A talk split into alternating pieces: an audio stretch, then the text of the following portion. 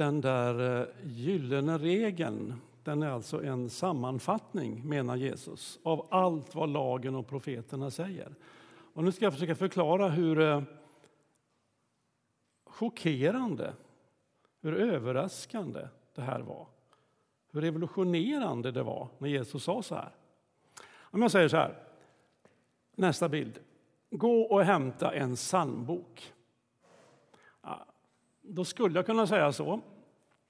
Om, eh, att du, kan du komma lite?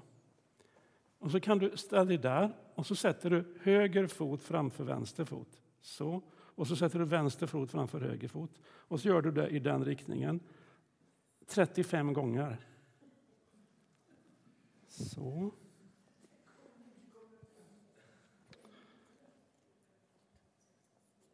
Ja, det räcker där. Aha. Och så kan du vända dig 90 grader åt vänster. Och så kan du säga, om du fortsätter göra samma sak, men nu tar du ungefär eh, 40 centimeter varje steg, varje gång. så. 40 så. För, tills, gör så tills jag säger till. Bara fortsätt. Och så ropar jag stopp när du ska stoppa.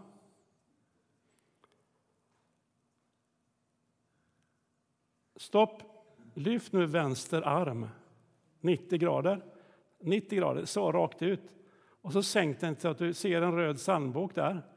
Då tar du den mellan tummen och pekfingern och så tar du med dig den, nyp åt, vänd dig om, gå tillbaks på samma sätt, 40 centimeter åt gången, så, rakt på. Så stannar du där framme och så vänder du 90 grader åt det hållet och så går du dit bort och sätter dig på stolen. Okay? Så kan man göra. att man ska be någon hämta en psalmbok. Vi kan ta nästa bild. Och så här var det ungefär. Så här, så här, så här såg reglerna ut i det gamla Israel på Jesu tid. Det fanns 613 bud. Jag har gjort 613 kryss. Tror ni mig inte så kan ni börja räkna. Men ungefär så. Jo, det ska stämma tror jag. Så många bud. Det var ungefär som 37 centimeter, 40 centimeter, gör så, gör så på den där. Och detta ersatte, Gud, ersatte Jesus med ett enda bud. Ni behöver inte de där 613. Det räcker med nästa bild. Ett enda bud. Allt vad ni vill att människorna ska göra för er, det ska ni också göra för dem. Det är ungefär som att jag ber dig att hämta en sandbok. Ja, men då, du går och hämtar den. Liksom. Du behöver ju inte göra precis så där, liksom, som jag tvingade dig att göra. Eh, så Jesus överlämnar åt oss själva att lösa detaljerna.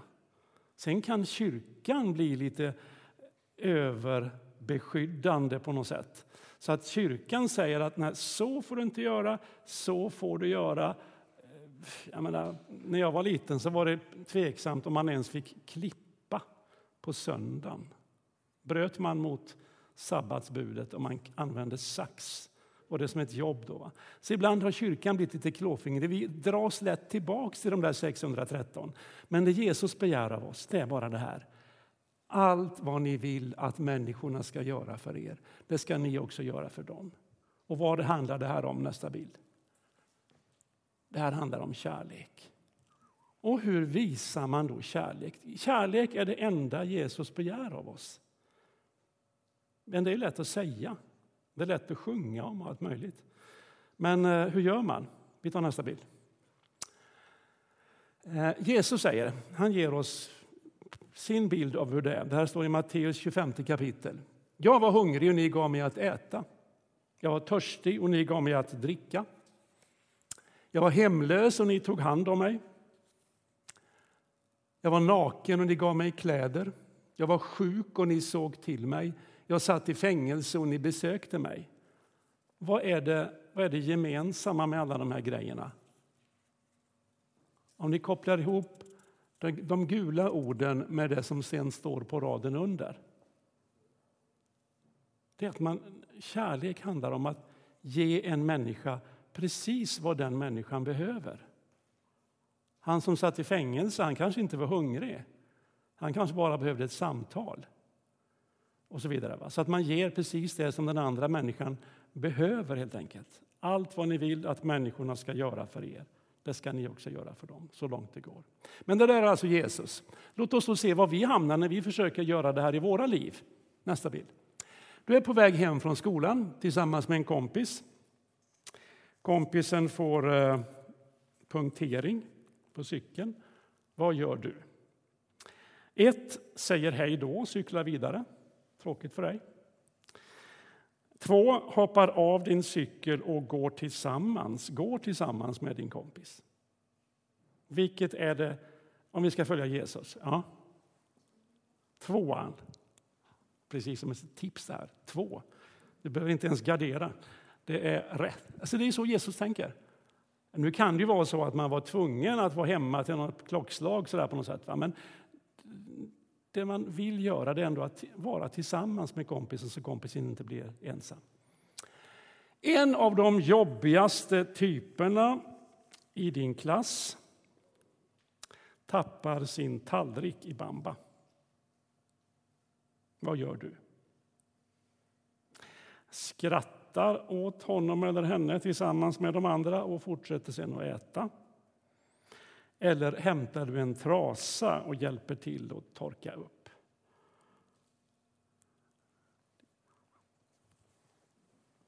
Ja. Nummer två. Det var inte så svårt det här, va? Nej, Nej precis. Det handlar också om att göra det. Att, och kärlek handlar ju egentligen om att göra inte det man måste, inte det som är jag är anställd för eller min plikt eller vad alla tycker är självklart, utan att göra lite mer. Det kanske finns personal som är, torkar upp det där vad du vill. Så det, det, är inte ditt jobb kan du säga. Men att göra lite extra, det är kärlek, som Jesus ser det. Vi tar nästa bild. Du är på kalas med dina klasskamrater och märker plötsligt att en i klassen inte är där. Du frågar kompisen som har bjudit in varför och får svaret att den som saknas inte är bjuden. Vad gör du? Och där får ni till och med tre alternativ. Säger du säger att du förstår varför den saknade inte är bjuden? Ungefär. Ja, ja, det förstår jag varför inte hon fick komma eller han fick komma. Eller skäller ut kompisen och säger att så kan man väl inte göra? Att bara lämna en utanför. Blir jättearg. Eller tredje, säger ingenting kanske. Men när du ska ha kalas så ser du till att bjuda alla i klassen. Vad är det mest kärleksfulla här, tycker ni?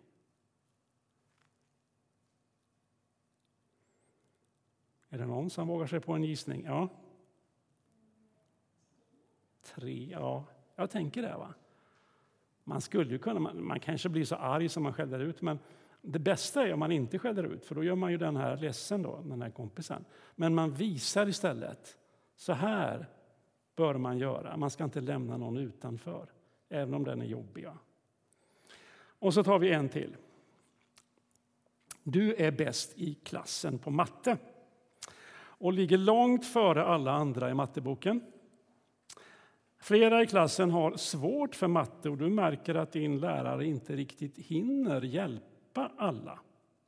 Din lärare säger att du kan få jobba, extra, jobba i en extra mattebok för de som är särskilt duktiga. Vad gör du? 1. Tackar för erbjudandet och börjar med den nya spännande matteboken. 2. Säger till din lärare att du hellre skulle vilja hjälpa dem som läraren inte hinner hjälpa.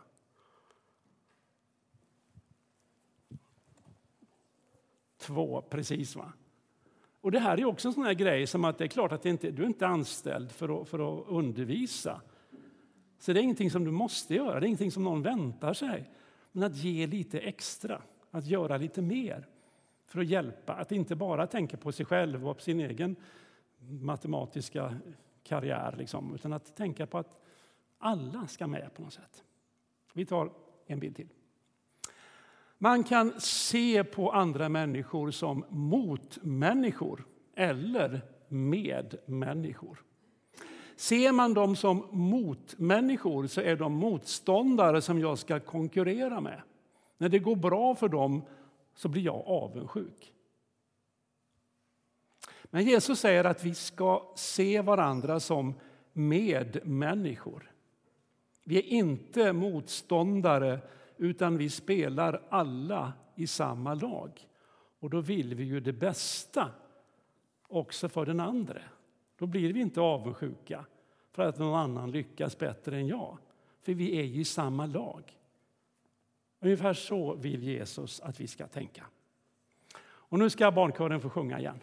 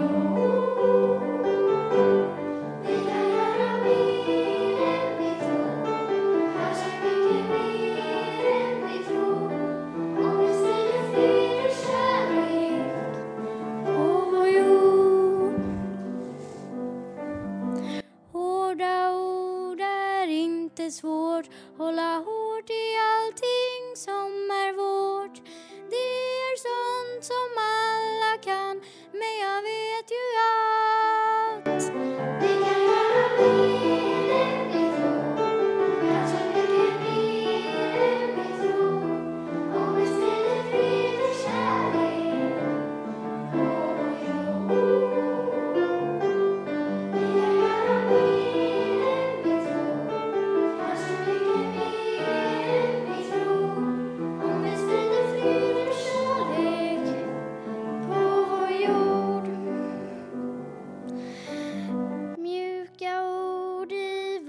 slag smittar av sig lite varje dag.